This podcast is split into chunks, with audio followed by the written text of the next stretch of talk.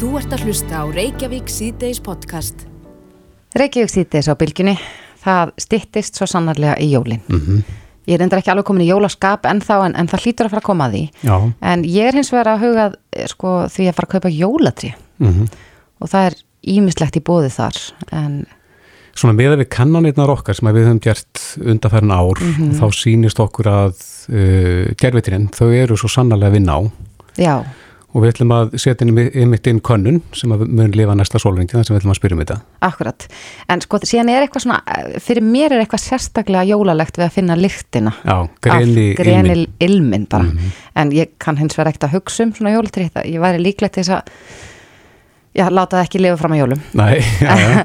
en á línunni er Kristín Helga Gísladóttir sem er framkvæmtastjóri Garðheima, komdu sæl verið sæl. Já, hvernig er þetta hjá ykkur? Þið selji bæði lifandi tré og svo gerfi tré er Já. annað að eiga vinningin? Uh, íslensku tréan seljast tals, lifandi trénu seljast talsast meira heldur en gerfitrén en fólk náttúrulega á gerfitrén í mörg ár. já, þannig að það þarf alltaf þeir sem kaupa lifandi að þeir þurfa að kaupa nýtt þá á næsta ári. Nákvæmlega. En er, er, eru gerfitirinn að sækja sér veðrið? Já, þau hafa náttúrulega verið að gera það. Það er svona alltaf svona smá breyting á þessu markaði, þannig að gerfitrén þau hafa, þau hafa selst, selst, selst óvinni vel í ár Mm og hérna sérstaklega svona stærri gerfijólatré. Mm Þannig að við erum að, að kannski að færa okkur nær bandarækjamönnum í þessum málum Já, við sjáum það bæði í lifandi og gerðutrjónum að það er almennt og er verið að kaupa talsvægt stærri trí í ár. En eru við ennþá að flytja inn svona mikið af jólatrjám? Já, en hlutföldin hafa breyst talsvægt mikið á stutnum tíma. Hver eru hlutvöldin í dag, veistu það? Í, í dag er það svona cirka þannig að það er hérna á móti tveim dönskum þá er það eitt, eitt íslensk Mm en bara fyrir uh, tveimur árum síðan að þá var það sko alveg helmingi minna hlutfall af íslensku trjónum. Hvað er það sem að ræður þessu? Eru við bara búin að rækta þá meira eða, eða er það umhverjusvendin að hvað spilar inn í? Ég held nú að það sé fyrst og fremst uh, hérna svona umhverfist meðutundin. Mhm. Þannig að það eru mjög margir sem að uh, þetta skiptir máli fyrir að velja íslensk tré og fólk í leiðinu líka að styrkja skóraktina og ég held að það skiptir, það skiptir marga máli líka. mm En fyrir þá, sko, fólk eins og mig, ég vil kaupa lifandi tré til þess að finna ilminaði heimi á mér, en ég Já. kann ekkert að hugsa um það. Er, er hætta á því ef ég myndi kaupa tré í dag að það myndi ekki lifa fram að jólum? Það er mjög ólíklegt. Mm Þannig ég ætti að vera nokkuð safe með þetta. Já, en það eru svona nokkur trygg sem, að, sem að, hérna, er, er gott að hafa í huga Mm og það er að, að skera neðan af trjánum og, og það er nú, er nú yf, yfirleitt í bóði þar sem að jólatrinn eru selt. Að saga bara neðsta, svona, hvað, neðstu 2-3 cm eða? Já, Mm til þess í raun og veru að, að tré geti, geti sói vatnið upp allan stopnin. Þannig nærða að halda betur rakanum -hmm. og síðan þegar maður setur í fótinn að byrja því að sjóða vatn og setja í fótinn þegar maður er búin að festa tréð Mm og eftir það að nota voltvatn og passa að láta ekki tóttna á því. Þegar maður saga neðan af því svona í upphafi þá drekkur þetta aldrei mikið vatn. Akkur þannig að maður þarf að fylgjast vel með vatninu í, í uh, fætinum. Sérstaklega fyrst. Já, Þannig að það drekkur mjög mikið því þannig að fyrstum leiðum maður í raun og veru sem stemar opna svona á það og, hérna, það, og það getur tæmst fóturinn bara á nokkurnu klukkutími þess vegna. Já, já. Ég reyfiði nú upp sögu eh, þegar ég kefti jólatrið, það hefur sannlega fyrir svona 25, 6, 7 árum síðan að þá uh, kefti ég Normans þinn, var með þetta trið út á svölum í smá tíma og svo var komið að því að setja það inn og, og stjera netu utan af og þá flugu nokkur kvikindi hann upp, kongafyrildi mjög fallegt og einhver fleiri stór fyrildi. Er það að gerast í dag? Er, erum við að fá einhverja svona laumafarþega með trjánum? Við getum alltaf fengið það bæðin í Íslandsku og Erlend trén. Já. Það er algengast að því að það bara konguló. Mm Og hvað gerum við ef, ef maður kaupir tí og það fylgir einhver uh, laumugestur með því? Það eru mjög margir sem að gera það að þeir spúla trén áður en þeir taka inn eða þá byrjaðu að setja reynilega bara í styrstu Já, já. inn og þá, þá skólast þetta nú yfirleitt bara af. Já, akkurat. En uh, gerfi trén, eru þau að verða raunverulegri og raunverulegri? Já, þau, þau eru það. Og það er að við sjáum samt svona aðeins meira núna það hefur verið svolítið vinsalt að hafa svona kvíttré sem er náttúrulega ekki raunveruleg. Nei, og, og, og svona uh, tré með snjó. Mhm, Já, það er að, er að verða vinsætlega eða hvað? já, það er að vera miklu vinstallega En hvað ætli valdið því að, við séum að færa okkur meir út í gerðutrin? Er, er það bara umstangið við það að þurfa ekki að vera að vökva og halda því lifandi? ég held að því bæði umstangi og kostnæðurinn og svo er líka, er náttúrulega mjög margir sem að vilja setja trén upp kannski í byrjun desember og þú gerir það ekki svo glatt með lifandi tré nei, Ég ætla að mynda ekki leggja það. nei, ekki heldur nei, þetta lifi lengur. Já. En uh, er einhverja tískubildjur í þessu? Er, er eitthvað í, í, í ár sem að svona er, hefur ekki verið áður? Já, ég sé að það er svolítið hérna aukning í rauðgreininu sem hefur alltaf verið tegund sem hefur selgt mjög lítið af Já, að hérna og hún er, hún er mjög viðkvæm og vant með farin, maður þarf alveg að fylgja öllum leiðbenningum til þess að, að láta þau halda barinu. akkur allir það sé að sæti sig veðrið? Ég held að sé bara út af því að að fólk vill fá hérna íslensk tré og vill fá ekki endilega fyruna, heldur vill fá þetta gaml, gamaldags svona jólatrjáa lúk og þá er það í raun og veru bara rauðgrinu því að normanstinnurinn hann er ekki drektarinn á Íslandi. Nei.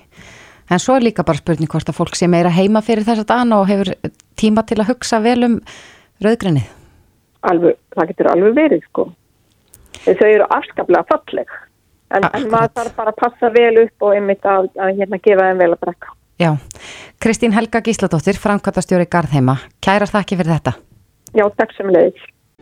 Þú ert að hlusta á Reykjavík C-Days podcast.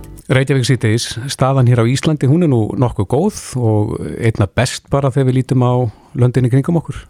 Já, það, við erum allavega búin að ná að slaka örlítið, svona stuttu fyrir jól, þó að það hafi nú ekki verið kannski eins mikið og margir vonuðust eftir. Nei. Að þá erum við samt að ná að slaka smá og það er verið öfugt við það sem er að gerast í kringum okkur. Já, eins og til dæmis í Danmörku þar sem að staðan er ekki góð. eh, Þorvaldur Flemming Jensen, okkar maður í Danmörku er á línu, kom til sæl.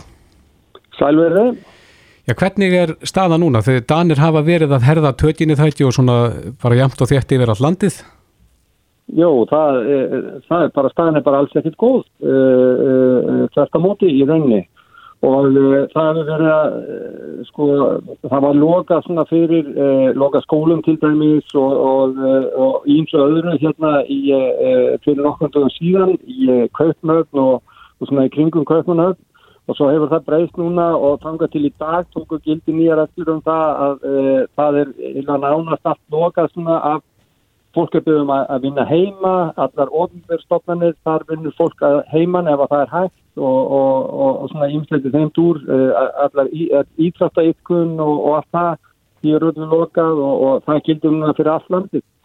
Og, uh, og það er sko, uh, það voru næstu því 3700 ný smitt bara á síðasta sólarhengi á, í, í Danmarku.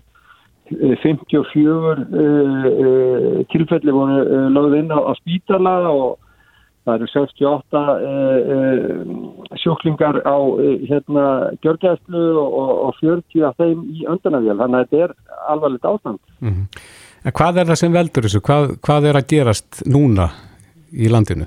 Já, nú, núna er bara, uh, sko, það er svo sem uh, erfitt að segja til um það. Þetta er í öllum landslutum, í öllum aldurshópum og, og, og það er erfitt að, menn get ekki bent á eitthvað eitt en, en það er hins vegar, það er kaldara og, og það er vetur og, og kannski hefur fólk verið að- slagist bara á þó að það sé nú ekki neitt sérstak sem bendur til þess. Uh, nú er öllum uh, veitingastöðum lokað og fólk er byggðum að, að vera heima og mál málan er núna hvernig á að halda jólinn Mm og Danir er uh, er mikið partífólk og, og, og hérna eru góður að finna til til þess að, halda veistlur og jólinn eru alveg sérstaklega mikilvæg í því tilhefni og, og, og það er mjög algengt um jól uh, að þetta sé ekki bara uh, uh, litla fjölskyldan, heldur kannski uh, 15, 20, 30 mann sem að hittast um jólinn og, og það er mjög mikið um það venjulega í Danmarku og, svo er mikið um það líka fólk flytji frá Jóðlandi til Sjálands og fólk til dæmis sem er í skóla á Sjálandi í Köpnöfn eða þar og fer síðan heim um jólinn og er með fóröldurum og fjölskyldu.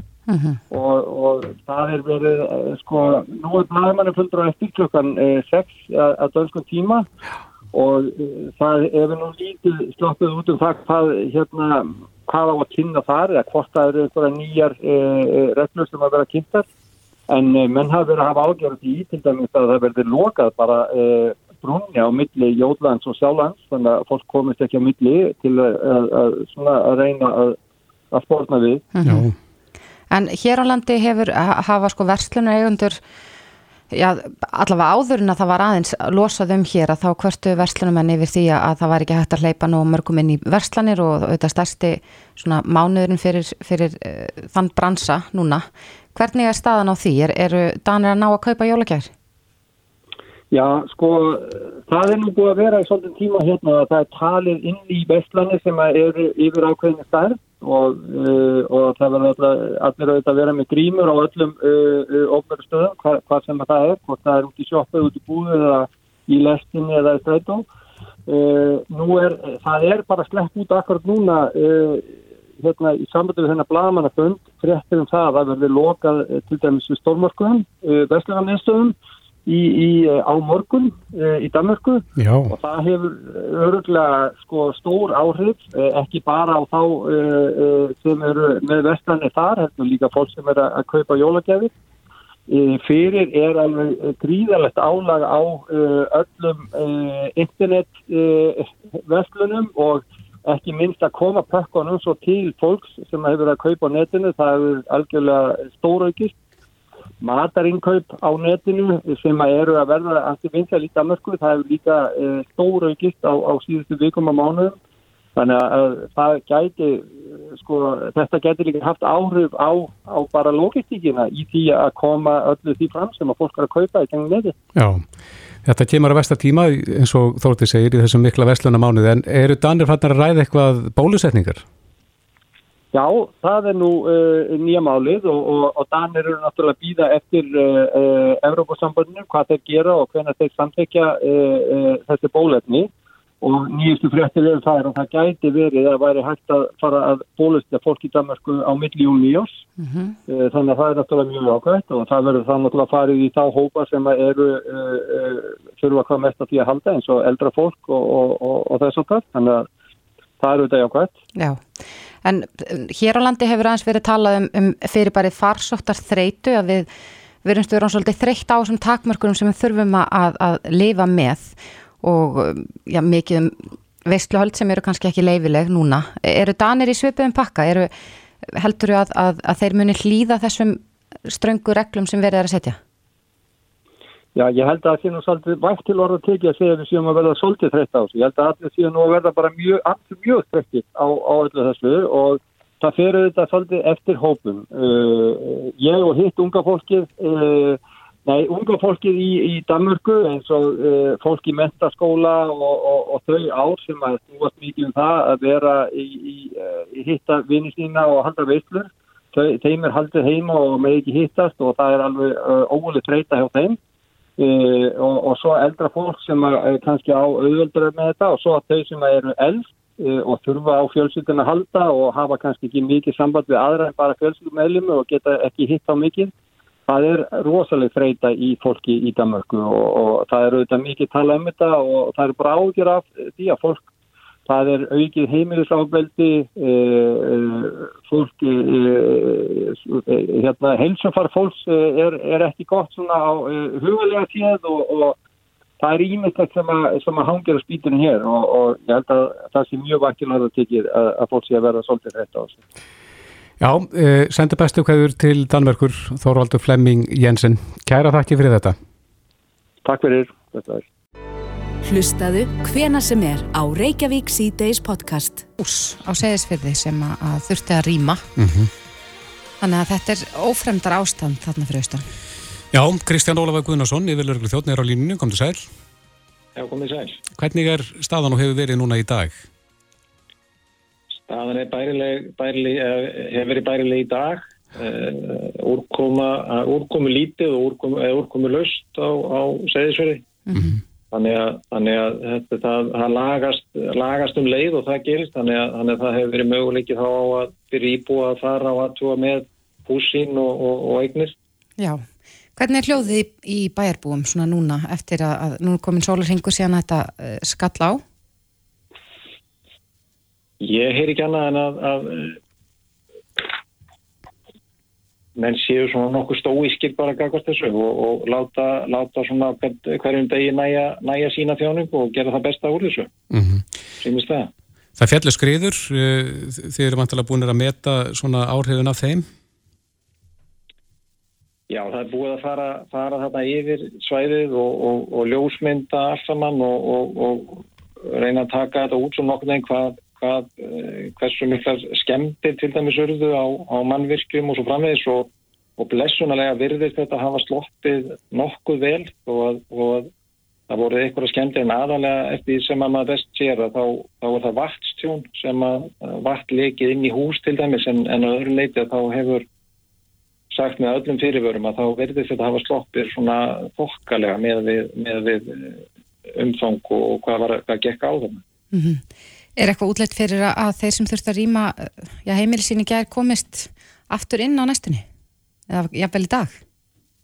Ég vildi að ég hefði góð tíðindi að færa, færa þeim en, en, en með að við veðurspá þá, þá er það eh, nú eiginlega ekki. Það bætir í reikning og verður talsveit mikið úrkoma núna frá klukkan, eh, svona cirka frá, frá klukkan 5 núna þannig að það ætti að vera hefjast ef að, að veðurstofunni með þetta alveg upp á mínútu og, og stendur alveg til, til klukka nýja að að því er við telja í í, í fyrramáli þannig að, þannig að það verður verða engin tíðindi í raun. Ábreytt ástand til fyrramáls í það minsta og, og veðurspáum framöndan er heldur ekki sérlega góð, þannig að við verðum bara að sjá til. Já, hefur fólk fengið að skreppa heim, ná í nöðsynir og slíkt? Já, það er eh, eftir eh, bara með, með eh, í fylg þá björgunarsveitar manna, það verið eitt að gæta hérna öryggi sem bara mögulegt, mögulegt er, þannig að, að það fer svo sem engin fylgdarlaus þarna inn, en, en jú, það fólk hefur kom bæði ná, náði nöðsynjar og, og eins verið bara huga að og ég vel, ég vel ditt að því sem að hægt hefur verið svona bara ja, það sem hægt er að gera á, á, á einum, einum degi eða svo. Mhm. Mm En hver er staðan á, já, í öðrum bæjarfélagum eða öðrum fjörðum þarna fyrir austan? Ég heyrði að því í háttegisfrettum að, að það væri nú eitthvað ástand á eski fyrir líka? Já, það er svona, það er svona á, á, áhyggjur helst af eski fyrir því uh, í þessu sambandi. Það hafa, hafa skriður, litla skriður fallið hérna bara ofalega í fjöllum og einhverjar í, í ár og, og, og læki en, en það hefur ekki verið svona þannig að tjón hefur hlotist af allaveg ekki, ekki tildaganlegt Nei. Þannig að, þannig að þetta er svona, þar er ástandi ennþá þokkalett en, en eða ágætt en, en viðkvæmt. Þannig að það er reynd að fylgjast eins vel með og, og bara hægt er. Þannig að vonum að það, það verði engin stórn hindi þar En þetta er nú nokkur svona sjálfsíð sjón þarna fyrir austan að, að allavega svona mikið vatna viður. Eh, hefur þetta gæst eitthvað undanförnum árum, öyrskriður eins og þessar? Já, öyrskriður eru svo sem, svo sem þekktar en, en ástandið hérna eftir sem að mér skilsta er, er uh, sætið talsverðum tíðundum að það hefur, hefur ringt gríðarlega og lengi þannig að, þannig að uh, þetta er, þetta er þess vegna sem ástandi er orðið eins og, eins og það er þannig að þetta er ekki, þetta er ekki á hverju ári sem við erum að klíma við þetta. En hvað er þetta stór partur af bænum sem er hérna á þessu hættu svæði? Þetta er hluti svona uh, ég veit, þú fór nú ekki að fullera það nákvæmlega þetta er, daldið, þetta er talsett svæði að tíleitinu til að það eru, það eru hús þarna í fimm gödum sem, sem eru rýnd að, að meira eða minna leiti þannig að þetta er talsveit stór, stór partur af, af bænum sem Já. það er yngur þarna. Akkurat og býstna margir íbúar sem að, sem að þurftu að flýja eða fara, fara af heimilinu sínu þannig að, þannig að, þannig að það eru margir sem að hafa, hafa þurft að og fundið fyrir þessu. Við sendum bestu hverju raustur Kristján Ólafur Gunnarsson, yfir Lörgli Þjótt Kærar þakki fyrir þetta. Takk sem þess Jæja, við höldum áfram hér í Reykjavík síðdeis. Eh, það var í fréttum í dag að almannavarnir og sóttvarnar yfirvöld hafa gefið út tilmæli til hjúkurnaheimila þar sem mæltir gegn því að íbúar fari út af heimilunum til þess að dælja hjá ættingum sínum yfir hátíðarnar. Já. Maður veit að þetta er nú svona fastur liður í jólahaldi margra að, fá til sín eh, eldri fjölskyldumæðlimi sem að dvelja á dvalarheimilum. Já, og svona kannski fallegu tími fyrir þetta fólk sem að dvelur langtímum saman á þessum heimilum að, að komast aðeins út úr þessu umhverju og, og hitta fjölskyldu og vinni. En það er spurning hvernig þessi er tekið á þessum heimilum. Anna Birna Jensdóttir, stjórnambæri samtöku fyrirtæki velferðarþjónustu og fannangvandastjóri Soltúns er á kom til sæl. Þessu. Ja, hvernig leggst þetta fyrir hjá ykkur? Já, eins og því náttúrulega komið inn á þá er, er jólinn tillökkun hjá okkur öllum og flestum og hérna og menn setja því sparastællingar og, og vilja hitta sitt nánasta fólk og, og hafa hugulegt borðhald og máltíðir og gæðastundir og framvegð. Það kom hérna veira sem að var að valda uppnámi á þessu ári og hefur bara ekki hægt því ennþá og, og það gerur okkur svolítið erfitt fyrir sem að erum hérna Eh, störfum á hjókunaheimilum eða bú eða fólki sem býr þar. Það er, þessi veira er mjög óþægileg og hún hérna eh, breytir veruleikanum eins og við þekkjum hann í dag og hún er bara því miður ekki farin. Nei. og þess vegna erum við að, að vinna í því eh, fósfarsmenn hjókunaheimilana í samstafi við eh, sótarni við völd hvernig við getum sem best eh, tryggt eh, öryggi en líka jólahald mm -hmm. í þessu umhverfi og þetta umhverfi er ekki eins og vennilegt heimili. Þetta er, er, er hjúkunaheimili þar sem búa margir og þau eru mjög mísjöfn hjúkunaheimili, hvernig aðbúnaðurinn er, hversu mikið sérbíli er eða og hvað fólk deilir mikið af samilu um vist að vera sama. Og þarna þarf að horfa, hvert heimili þarf að horfa á sitt umhverju og hvað það getur gert. Já, en hvað eru þið að mæla með við ykkar íbúa og þeirra fjölskyldur? Að verður í lægi að heimsækja þá sem eldri eru eða hvað verður í jólamatir? Sko, já, það verður náttúrulega góð jólamatur. Það er ekki alveg á því. En, en hérna en það sem að sko er staðreind og við getum ekki hort fram hjá er að við erum ennþá á neyðarstíi hjókunarheimilin eru á neyðarstíi og hafa ekki geta farið niður á hættustíi sem er stíi fyrir neðan Nýja sem sagt á þann það stig sem var í sumar og kap, kapla það sem gaf okkur meiri frjálsræði og við gáttum komið svona nær hefðbundinu lífi eins og við þekktum fyrir COVID. Mm -hmm. Þannig að við, við að við það, það er alltaf að koma upp litlar hópsíkingar og sérstaklega hérna á höfuborgarsvæðinu að þá getum við bara alls ekki mælt með því að fólk sé að fara, sko við erum að tala um fjölvegt fólk, jável meðalaldur 85 pluss að það sé að fara og leggja því áhættu þó það sé að fara til síns fólks og koma svo síðan tilbaka og hugsalega leggja í áhættu þá aðra sem að búa á hjókunæmilu mm. og mhm. eru fjölveiki, sko við getum bara ekki lift okkur að gleima þeirri staðin. Nei, en er það þá sama og sömu tilmæli sem eiga við þá starfsfólkið? Starfsfólkið er búið að vera í sko nána sjálfskeipari sókvi bara í öllum bylgjónum mm -hmm. og hérna og það árangurinn að því sérst í því hvað hefur tekist vel að halda veirunni úti að fólk leggur sér mjög mikið fram og, og helga sér bara starfinu sko starfsfólki hefur á langmestu leiti verið bara í svona, svona bólu eða haft svona kringu sér svona mjög lit, lítinn hóp til þess að útsetja sig ekki fyrir hugsanlega smitt þegar það getur hugsanlega búið með sér inn í starfið. Mm -hmm. Þannig að starfsfólk er að passa sig og leggja mjög mikið af mörgum og, og forna sagt, sínu kannski frjálsræði að stóru hluta e, til hérna út af þessu til þess að venda íbúa hjókuna heimila eins og það frekast getur og hefur þekkingu til og það á mjög mikið fóskilið. Þetta mm. hafa líka ættingar gert og, og við mögum ekki gleyma því að hérna það er búið að vera takmarkanir á heimsóknum í allt haust, alveg frá því önnu bylgja kom og, og, og þanga til þriðja bylgja kom og held bara áfram.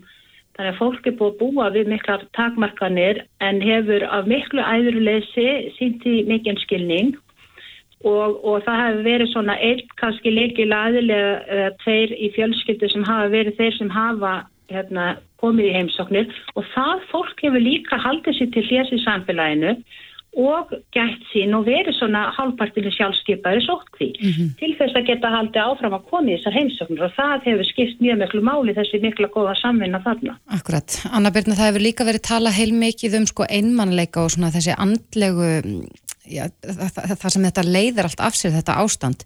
Hvernig, þú starfar sem frangotastjóri Soltúns, hvernig er hljóðið í íbúum á Soltúni?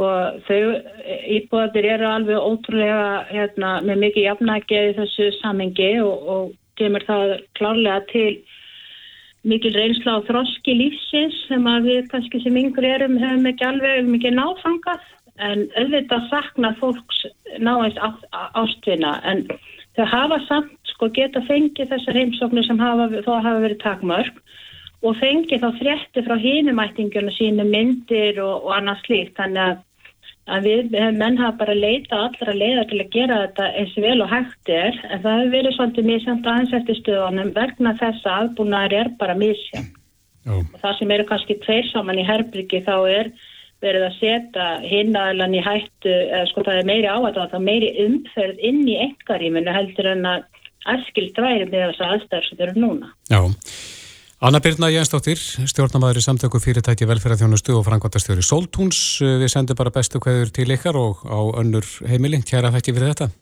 Takk fyrir. Við verðum bara að gera þetta saman svona á loka metrunum og vona að bólöfni komið sem fyrst. Ekki spurning. Takk, takk. Já, takk sem leiðis. Þetta er Reykjavík C-Days podcast.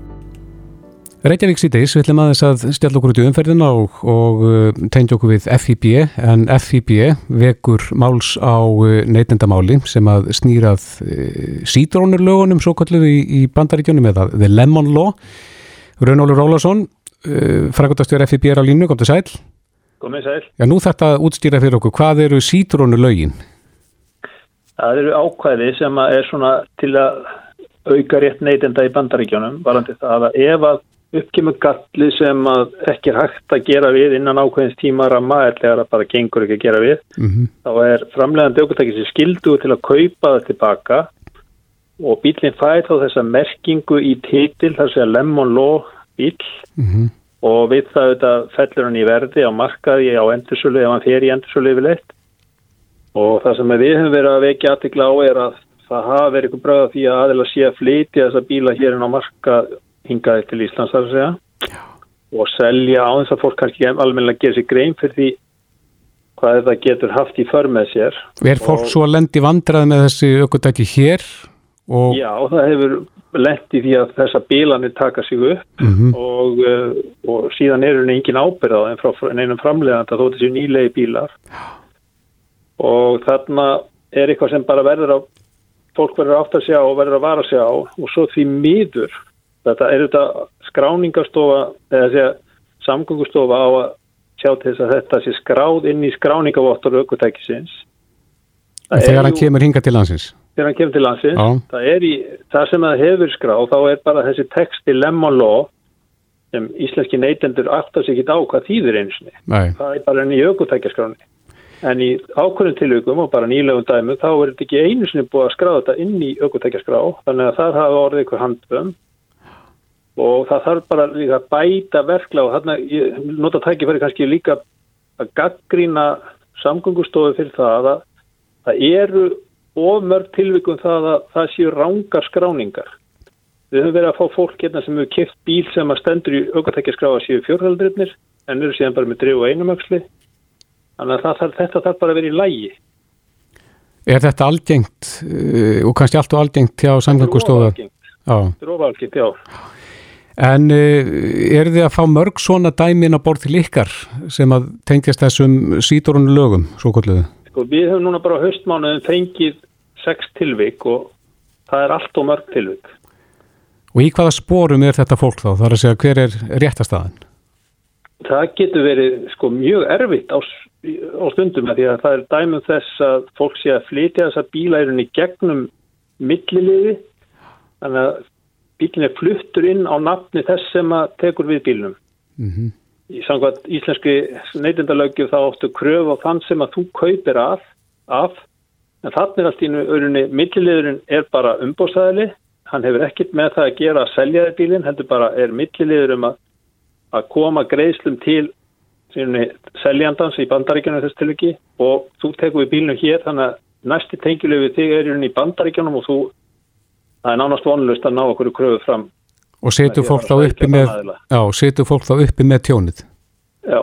En þetta fólk hefur þá vantarlega í einhverju tilfellu snúið sér til umbóðsaðila viðkomandi aukvöldakis hér? Já, þar lendir það líka bara í, í því að fá það í andlitið að þetta sé bíl sem að við fengið þennan úrskur sangvært bandariskum neytindalögum um að þetta sé lemmonlag hérna bíl og, og svona sítrónubílar eru bara ekki lengur í ábyrð. Nei, þannig að... Kaupa og selja það bara með þeim fórsendum að þessi án ábyrðar. Mæli þið þá með að fólk haldi sér alfæri frá því að, að kaupa svona aukvöldæki? Al, annarkort alfæri frá, ellegar að kynna sér hver ástað þessara bílunar er. Það getur verið, og sérstaklega fólk er kannski vel aðsýrvarandi bíla, þá, þá getur verið ef þetta er kannski ekki þess alvarlegri hlutur að sé búið að koma í veg fyrir þannig að það getur verið kannski góð kaup í því en það er í algjörum undantekningatilvökum. Þeir eru vennilega neytundu þá að halda sér sem lengst frá þessum bílum. Mm -hmm. Og það sem að uh, það vantar upp á skráningu hjá samgöngustofa þá er kannski erfitt átt að segja á umfanginu hversu margir, eða mörg aukotæki eru með þessum stimpli á sér hér? Já og eins og ég segja og líka bara þessi lámarka allan að komi þá fram hvað þýðir þetta lemon law. Það er smá skýring á heimasvæði hérna, samgöngustofu um það hvað þetta sé en inn í til og með aukotækjaska og stendur bara lemmonló og það segir neytandunum sára lítið. Já, Já Rönnólfur Ólafsson, frangondastjóri FIB, kæra þakki fyrir þetta. Já, takk. Reykjavík síðdeis á Bilginni podcast. Reykjavík síðdeis, eh, það mál sem hefur nú svona valdið mestur úlvúð eh, finnst manni upp á síkastið. Það er eh, fyrirmarp um Hálendis þjóðgarð Já, það hafa svona ímsir hópar stíið fram og, og svona líst yfir líst því yfir að, að þetta sé ekki endilega rétt að leiðin að fara þarna Nei. á hálendinu. Og svo var það Óli á eldin, þetta, þessi orð Stengrims og Sigfússonar sem talaði um örlítinn greinandi minniluta. Akkurat. Sem að reyndi síðan vera aðeins stærfi þar að segja þegar út í samfélagi var komið en við höfum nú hert í mörgum aðlum sem að tengjast hálendin á einni annan hátt, vilslega fólk, jeppa fólk og ferðarþjónustöðarar í talnátjum sveitastjórnir á þessum svæðum. Mm -hmm. En það er líka sundrung á þingin út af þessu og um, þingmaður Pírata Smári Makarti skrifaði nú grein og, og sem bara heitið hvernig klúðra skal hálendist þjóðgarði mm -hmm. en uh, já, í raun og verið það sem hann er að segja er sko að Þetta er mál sem að snertir alla og, og samkvæmt einhverjum skoðanakönnum verðast flesti vera sammála því að það skuli vernda þetta svæði en samt sem áður hefur umræðan spunnist í þá átt að, að fólk verist ja, vera á móti þessu. Já, í morgun mættu þau síðan í bítið eh, Pál Magnússon og Kolbjörn Nóttarsson Proppi og þar heyrði maður að uh, Pál í þeim veist að gerir setu fyrirvara við sinn stöðning við þetta frumvarp en Guðmundur Ingi Guðbrandsson er komið til okkar uh, umhverjur sáðura. Velkomin. Takk kærlega. Áttið þú vona á þessari anstöðu þessara hópa sem við töldum upp hérna áðan uh, jeppa fólk, vélstega fólk slíkra aðila? Sko, í öllum undirbúningi málsins og ég hef náttúrulega talað við fulltrúa útvistarhefingarinnar samút uh, um þetta mál oftar en einsunni um, þá vissi ég alveg af því að það voru áhyggjur sem að fólk hafði af því að hálendin er þið lokað en svo er kannski bara orða svona heilt yfir. Um, það er hins vegar alls ekki þannig. Eh, ráð þeirra hefur engar heimildir til þess að gera slíkt samkvæmt þessu frumvarfi þegar kemur að útvista hreifingunni sjálfri þá hef ég barist fyrir því áður en að ég varð ráð þeirra og, og meðan að ég eh, sagt, hef gengt þessu embætti að auka í rauninni aðkomi útvista félaga að þessu stjórnfyrirkominlægi sem að þarna á að teikna upp fyrir hálendisökarinn. Sérstaklega við miðum það við vatnajökulsökur eins og hann er í dag. Eh, útvistar reyfingin hefur í rauninni áhernafulltrúa í stjórn vatnajökulsökars en ég hef sett frumarfi fram þannig að þau fái atkvæðisrétt aðna inni og sama með fulltrúa ferðarþjónustuna. Þannig að ég nú verið að auka ef eitthvað er aðkomið þeirra að þessu máli en áhegjurnar eru samt sem áður til staðar og maður verður að uh, virða þær og og, og skilja, reyna að skilja hvað það er og það sem að mér sýnist vera eh, áhyggjur fólks af því sem að þarna gæti mögulega gerst er meðal annars að ráð þeirra hafi heimildir til þess að takmarka umferð og annars líkt Eh, ég myndi velja að útskýra þetta með þessum hætti. Það er alveg skýrt í frumvarpinu að almenningar er leifileg förum þjóðgarðin út völdar. Það er, það er, er grundvallaratriði sem byggir á markmiðum þjóðgarðsins um að auka uh, fræðslu til fólks, auka aðgengi fólks að, að þjóðgarðinum og, og hann er opinn fyrir útivist. Það er alveg, alveg klart mál. En síðan eru ákveðnar uh, greinar sem að koma eða ákveði uh, sem að kveða áum ákveðna varnagla til dæmis er varnaglinn, það er bannað að keira utan vega sem við verum öll sammálum að við viljum ekki gera. Mm -hmm. Það eru varnaglar um það að það geti verið einhverja reglur ef að til dæmis um, náttúru fara á einhverju ákveðnu svæði er viðkvæmt ákveðnum tímum árs eða eitthvað slíkt að þá sé heimil til þess að takmarka umferð á slíkum svæðum og svo framvegis. En hver er það sem tekur ákveðun um það eins og í þessu tilfelli að svona segir að það geti verið út af já bara veðrunu þann daginn? Sko, í rauninni ráð þeirra býr til í reglugjörð umgjörðun utan það og við eigum eh, nýja reglugjörð núna fyrir vatnaugulstökar sem hafa sett í mars á þessu ári og ef að ráð þeirra hefði nú þau völd að geta loka þjókarðinum, semst vatnaugulstökarði og þar með nýjum þjókarði þegar hann er til e, og hefði áhuga á því þá væri, þar að segja þá er ég að tala um sjálf á mig, þá hliti ég að vera lengur búin að gera það. Ég er búin að hafa þrjú ár til þess en ég hef ekki þessi völd og ég hef ekki áhuga Nei. ég hef ekki áhuga á því mm -hmm. að loka hálendun, ég ann hálendun ég er útivistamæður mm -hmm. Eh, bondasvonur og skil alveg ágætlega held ég eh, allar þessar áhyggjur fólks af þessu en ég vil menna að það er séu óþarfar því að við erum að búa til í rauninni umgjörðu utanum það að þarna geti fólk haldið áfram að njóta og, og nota þetta magnaða landsveið mm -hmm. en, en eins og þórtið spyrir þetta, hver fær þetta vald? Já, þess að ráþæra býr til umgjörðina utanum, uh, utanum um, um þetta en síðan er valdið í rauninni hjá því sem að heita umdæmisráð og stjórnþjókarsins og þau eru skipuð fulltrúum sveitastjórna útvistarhefingarinnar, náttúruvendarhefingarinnar og hagsmunaðarlega eins og bænda og, og hérna útvistafólks. Mm -hmm. Þannig að þau móta stefnuna fyrir svæðið ef það er áhuga á því að loka ykkur um ákveðnum slóða eða byggja ferðarþjónust upp á ykkur ákveðnum svæð en ekki öðru til þess að beina ferðamannaströmmnum á einhvern stað sem að þólir það eða að þá að byggja einhvern ákveðin staðu. Þannig að í rauninni þjóðgarður er, er svona tæki til þess að eh, halda utanum og fá yfir sín yfir þetta stóra magnaða svæði í heilsinni þannig að sem flestir aðilar komi að þeirra uppbyggingu. Já, við heyrðum hérna í stjórnumanni landsambandi íslenska vélslegamanna fyrir vikunni og, og hann hafði akkurat áhugjur af þessu að, að völdin eru sett í þessa, eh, þú sagður umdæmis ráð, ráð og að, að það er teknar gethótt að ákvarðinu þar sem myndu þá takmarka för til dæmis félslegamanna að tilteknum svæðum. Já, útvistafólk hefur aðkomu að þessum umdæmisráðum og atkvæðisrétt þar, til og atkvæðisrétt. E, sko, gethótt að ákvarðinu sem að teknar er, af nýjumanna ráði, ég á mjög erfitt með að trúa því að slíkt gerist. Um, þetta er líðræðisleg aðkoma sem flestra því að stýra á móta svæðinu og ef við berum það sama við þá hvernig það er í dag á, á öðrum svæðum þá getum við spurt okkur eh, gildi ekki ákveðna reglur þar? Jú, við viljum halda okkur á þeim slóðum sem að til eru og svo framvegis. Sérstaklega varðandi vjelsleða fólk að það er náttúrulega eh, ef að, ef að hérna jörðin er frosinn og eh, umferð á henni á veturnar eða þegar hún er frosinn og snæfið þekkin er ekki að valda skemmtum, þá er hún bara heimil. Það er bara í náttúruvendalögunum þannig og líka í, í þessu frumverfi. Þeir hafðu fyrir ekki, hann sagði þá, hann Alexander við okkur hérna að, eh, að þetta geti verið gett þótt ákveðin bara út af háaðamengun að, að háaðin í vélsleginn færi tögarnar á einhverju landverði og hann geti bara lokað fyrir umferð. Nei, landverðurinn verður að fara eftir stjórnur og vendarhaldin og hún er búin til af uh, þessu, þessu ráði, umdæmisráðinu og stjórnþjókarsins uh, þannig að það er ekki þannig, hins vegar eru ákveðinir varnaklar sem að landverðir geta beitt ef að um er að ræða eh, einhver brot á annarkort reglum, lögum eða stjórnunar og vendaráallun og við getum kannski bara borðið þetta svolítið sama við umferð á vegum úti.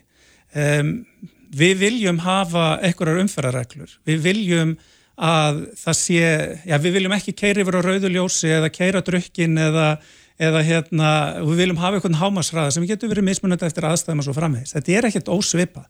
Við erum með eh, almennt ákvæðum það að eh, þetta er opið svæði en svo gilda einhverja reglur mm -hmm. og ég þekki mjög fáar sem að vilja ekki hafa einhverja reglur. Smári McCarthy bent á það að, sko, að reglurna séu takmarkandi og að það séu í svona fyrirskipunar tóni að þetta sé að það sé heimilt að gera hitt og þetta og setja skal reglur um annað og að takmarka og það er svona í, kannski orðalagið í frumvarpinu sem ég veit ekki hvort það sé óhefbundið.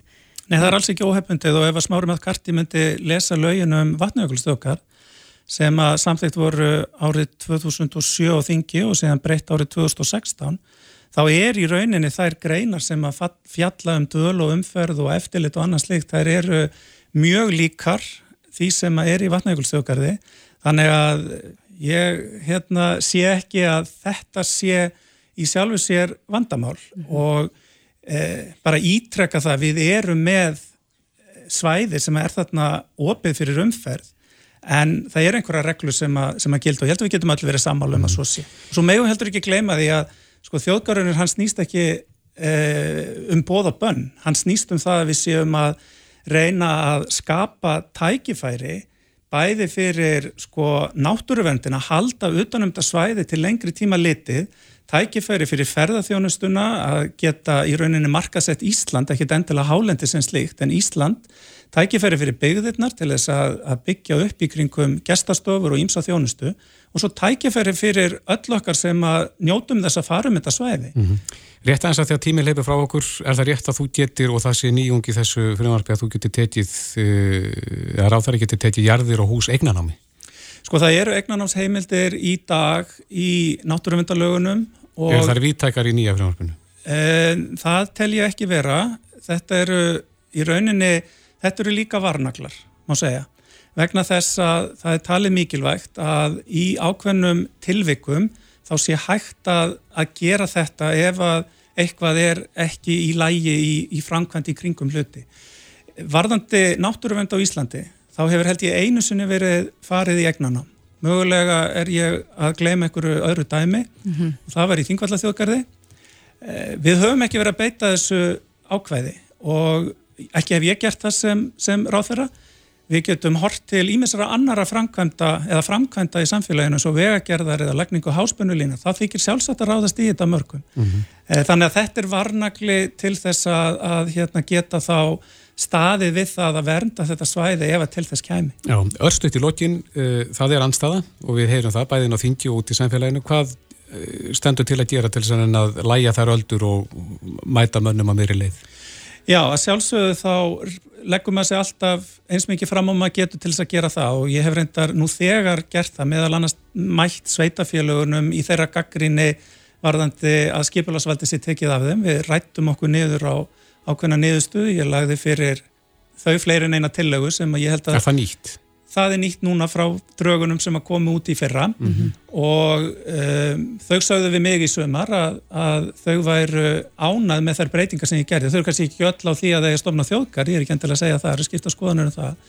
Og varðandi það sem að snýra að, að útivistinu og öðrum þáttum auðvitað verður lagst yfir þetta allt saman í þingjunu. En ég bara ítrekka að við erum ekki að gera breytingar frá því sem að hefur verið í á öðrum frílistu svæðum eða þjóðgörðum. Við erum að leifa hérna, hefðbundna nýtjar, veiðar og beit og að sjálfsögðu verður í lægi að fara um þetta svæði. Mhm. eru til þess að færa náttúruna nær fólki. Á öllum faratækjum? Á öllum faratækjum, já. Ég menna það má fljúa þarna yfir. Það eru reglur um það hvar þú mátt lenda. Það er líka þannig. Þú, mm -hmm. þú lendir ekki bara hérna, hvar sem er hérna, á landinu. Það eru reglur um það þarna líka. Eh, og svo framvegis og framvegis. Guðmundur Ingi Guðbrandsson, við komst því meður ekki lengra. Kæra þakki fyrir komuna. Takk fyrir mig. Reykjavík síðdeis á Bilginni podcast. Reykjavík síðdeis á Bilginni heldur áfram. Það stýttist í jólinn. Ég held að þetta sé ekki fyrsta skipti þessum þætti í dag sem ég segi það. En Nei. ég persónulega er farin að hafa smá ágjör af mataræðinu. Hjá þér? Já og bara svona þú veist, ef ég kemst í sörur þá er ég eftir með að hætta. Mm -hmm. Þetta er tími frestingana. Já, það er alveg hægt að segja það. En svo er spurning líka með að þetta er náttúrulega sérstaklega tíma líka og kannski ekki eins mikið um uh, stórar, stór bóð. Nei, ég held nú að maður getur alveg leift sér um jólinn en, en síðan er spurning hvort að maður bara fara ekki út að ganga og, og reyna að búa til eitthvað jafnvægi. Já, einmitt. En til þess að, að gefa okkur góð ráður hinga komin Raffn Franklín, þjálfari og helsuráðgjafi, kom til sæl. Sælviði. Já, er, um hvað snýst þetta? Er þetta jafnvægið sem við þurfum að reyna að finna yfir jólaháttíðina eða hvað?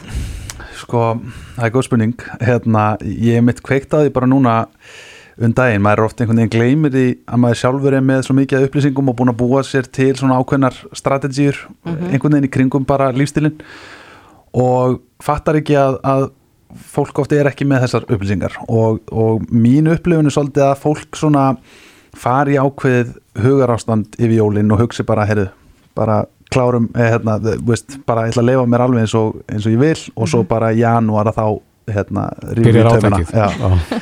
Og já, akkurat, samanber hérna bara allt tróðfullt í öllum líkastastöðum byrjun janúar og, og þess að þar og þannig að hérna já, það er ótrúlega margt sem hægt er að gera án þess að endilega fari eitthvað átak og og hérna og eh, það er það sem ég setti saman. Ég bjóð til svona hérna, netfyrirlestur sem heitir Heilsuli Jól og, og í þessum netfyrirlestri eru uh, öll þessi ráð í rauninni pökku saman og, og hérna, og eins og ég segi, þetta eru, þetta eru ótal hlutir en, en bara eins og að, að stíla inn á hérna uh, svona hvenar við borðum jólamattin eða þú veist eins og þú nefnir sörurnar eða gósið eða jólaulið eða hvað er. Hvenar er borðan það getur skipt máli. Um, hvernig við högum okkur og, og hægraðum æfingum og hreyfingu í kringum jólabóðin og, og svo framvegs þannig að það er alls konar svona hluti sem hægt er að svona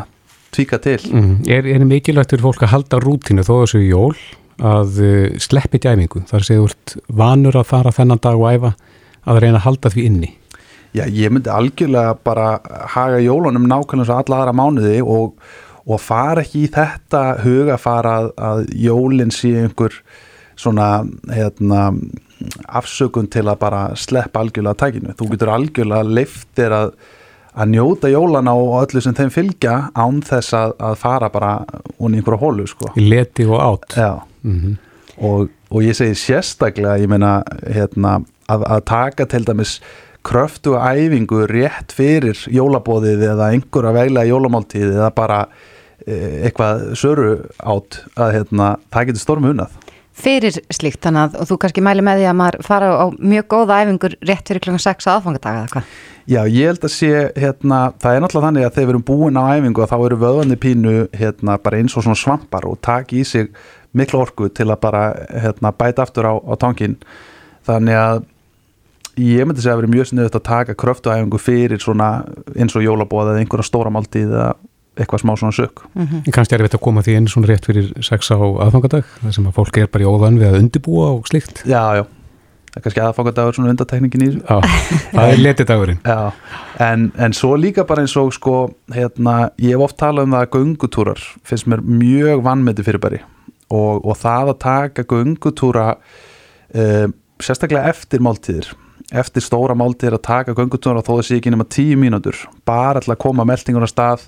Um, þetta er náttúrulega líka eður orku og, og stór hlutfalla þessar orku kemur yfirleitt frá fytu mm -hmm. og hérna, þannig að það er mjög vanmetið og eitthvað sem ég held við ættum að gera meira bara standa upp og taka tímínuna göngutúra eftir mat, eftir máltíðir Akkurat, já ég held að það sé nú bara líka góð hugmynd eins og fyrir þá sem eru með börn á heimilinu að að anda sér smá súreifni aður en maður fer í pakkaflóðið. Já, algjörlega. Og, og þetta er einmitt eitthvað sem allir getur gert. Bara stíð út og Akkurat, uh, en sko það er margir sem að, eins og þú segir bara að koma jól og þá gleymir maður öllu því goða sem maður hefur gert til þess að bæta hilsuna alla, allt árað á undan. Og, og er kannski með svona allt eða ekkert hugafar, getur þú gefið þessum hópa eitthvað ráð? Varandi þá hugafastbreytingu eða? Já, bara svona þú veist að, að, að maður þarf ekki að fara alla leið í til dæmis óhallustu eða? Nei, akkurat, ég sko þetta er náttúrulega bara svona hjá mörgum rótin af vandamálunu að vera först í þessu svona eh, hugsanarminstri sem að er að mínum að þetta er bara ákveðin svona rögvilla að hérna halda að eh, sko að, að bara að það sé annarkvort allt eða ekkert. Mm -hmm og segir sér bara sjálft, ég meina það, það, sko, hvert einasta lilla skref munar. Og eins og bara það að ná inn tímindna göngutúrum uh, tviðsvar, þriðsvar dag stóru munar, þó að það virki lítið í mómentinu. Mm -hmm.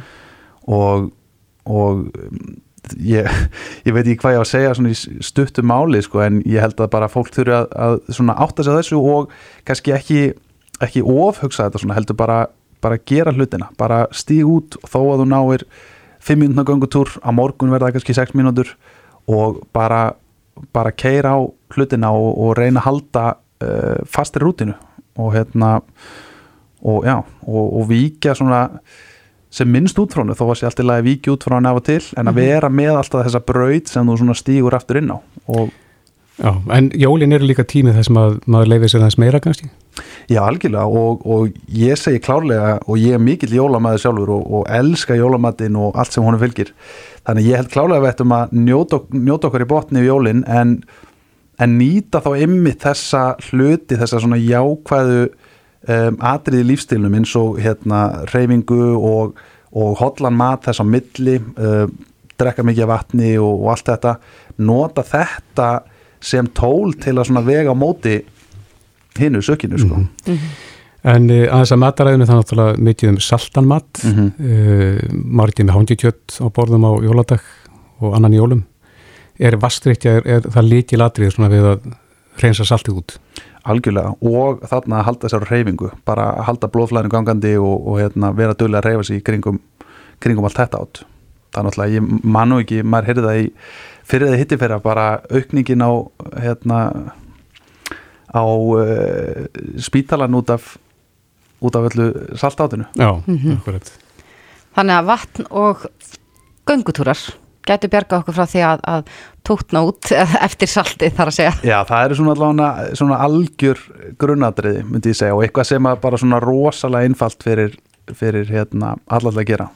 Já, Rafn Franklín, þjálfari og helsur ágjafi kæra þakki fyrir komuna Takk sem leiðis Reykjavík síðdeis á Bilginni podcast. Reykjavík síðdeis, það eru margir sem að taka eftir því að uh, valgreðslurinn í heimabankanum, þeim fjölgar sérstaklega í þessu mánuði þar sem að mörg hjálparsamtöku eru að uh, byggja um stuðning Já, ég held að þetta sé svona sá mánuður ásins þar sem að, að flestir leita eftir því að láta gott að sér leiða og Já, einmitt. við tölum nú við hana Ingrid Kúlmann hérna um daginn sem sagði Mhm. okkur að það væri bara beinlínis uh, helsusamlegt og myndi auka hamingjum hans að uh, Gefa. gera, já, gefa og gera góðverk. Já, akkurat. En á línunni er Ragnar Skram, hann er framkvæmdastjóri SOS Barnaþorparna á Íslandi, kom til sæl. Já, komið sæl. Já, ykkar stað sem er hún er náttúrulega í fullum gangi í desember eins og aðra mánuði. Já, já, hún er í, gangi náttúrulega alltaf ásins en, en í desember finnum við auðvitað fyrir kannski auknum áhuga fólks að láta gott að sér leiða og kannski bæta heiminn, leiða fólki sem kannski hefur að hvað verst í þessum heimi að, að fá smá byrtu í, í þessar aðstæður. Já, en hvar eru Barnaþorpin í heiminum? Við, já, við störfum nú mjög víða. Við erum með barnaþorp í kringum 130 löndum en við Íslendingar erum að senda fjármagn til 105 landa cirka. Hvernig er því skipt? Það er mest sem hefur farið til Indland hjá okkur undanfærin ár en það er alltaf einhver breyting á rauðinni. Það fer í rauninni eftir ykkur störfinu mest hverju sinni. Ástæðan fyrir því að Indland hefur verið að fá mest er að við erum með lang flest börn þar Mm en annars er þetta Asia og Afrika sem að er að fá mest. Já. En Ragnar, svo eru sumir sem að eh, svona eru pínu skeftistir á að styrkja svona starfsemi, það sem að fólk telur stundum að þetta fari kannski ekki endilega í starfið, það sem að það telur sig vera að styrkja. Alveg hárið. Ég man eins og eftir eh, umræðu um það hver voru vestu hjálparsamtök í heimi og þá var talið upp samtök sem að voru að taka kannski 90% af tekjunum sínum í að reka sig í launakostnað og annað slíkt sem að þetta enginn vil gefa til. En að við höfum lagt miklu áherslu á það að nýta fjármagnum vel þannig að sem allra, allra mest fari á vettfang, fari í börnin, fari í verkefnin sjálf þannig að við reynum að halda öllum kostnaði í lágmætti. Þannig að ég skil vel þessar vangavertu fólks og ég hugsa svona sjálfur ef maður gefur í eitthvað gott málefni, maður hugsar er ég virkilega að gefa í málefni eða er þetta að fara allt í auðlýsingar eða kostnað. Þetta, þetta kostar að reyka allt. Uh, við reynum að halda kostnaðin hérna hjá okkur í 15% cirka. Þannig að við getum sagt til fólk að af 1000 krónum fari 850 á vettfang í, í verkefni. Það er svona þimmalflýttareglan sem við höfum haldið okkur við. Akkurat, en þessi samtök þau einblýnarinn verið á það að, að hjálpa ja, umkomulegsum börnum um allan heim? Já, það er í rauninni grunnur en okkar stafsinni, það er að búa til fjölskyldu, búa til heimili fyrir börn sem hafa mist fóreldra sína eða eiga fóreldra sem getur ekki séð fyrir þeim en svo hefur þetta hérna, þróast og við erum farin að hjálpa miklu fleiri börnum líka í nákrenni þessara heimila okkar sem að eiga kannski fóreldra lífi en fóreldra sem getur ekki mætt þörfum barnana mm -hmm. en við erum líka að hjálpa þeim. Að þetta er, þetta er orðið mjög stórt og, og mörglönd Já, ég, sé, ég sá hérna á síðunni hjá okkur að það er svona ímislegt hægt að gera. Þú getur annarkort bara gefið einhverja staka upphæði eða, eða orðið svona SOS uh, fóreldri eða þannig um, í, í hvað fara peningarnir sem sagt, er, er, snýst þetta um mentun barnana aðbúnað eða, eða kannski bara allt í bland? Já sko, um 10.000 Íslandingar er að styrkja barn gegnum okkur. Þá í rauninni eru þeir að, að koma að framfærslu barsins og það er í rauninni mentun, það er húsnæði, það er matur, það er född, það er sálfræði þjónustað mörgar sem börnum hafa upplifað ræðilega hluti og þurfa auka aðstof. Þannig að það er rauninni bara þessi kostnæður sem að framlega fer í.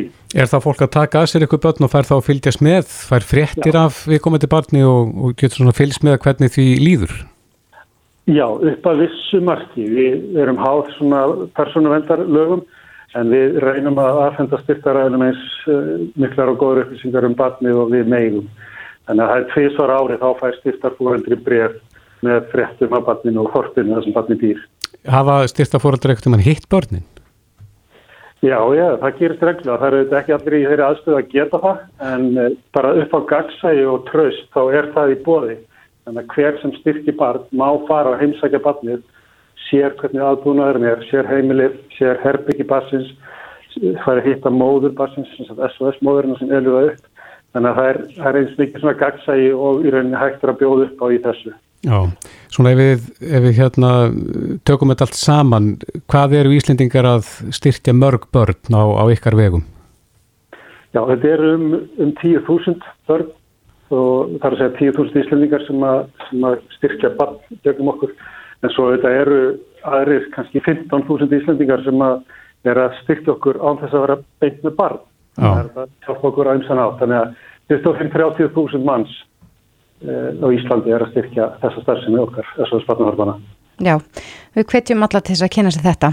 Ragnar Skram, frangatastjóri SOS Barnathorfana á Íslandi. Kærar þakki fyrir þetta. Takk ykkur.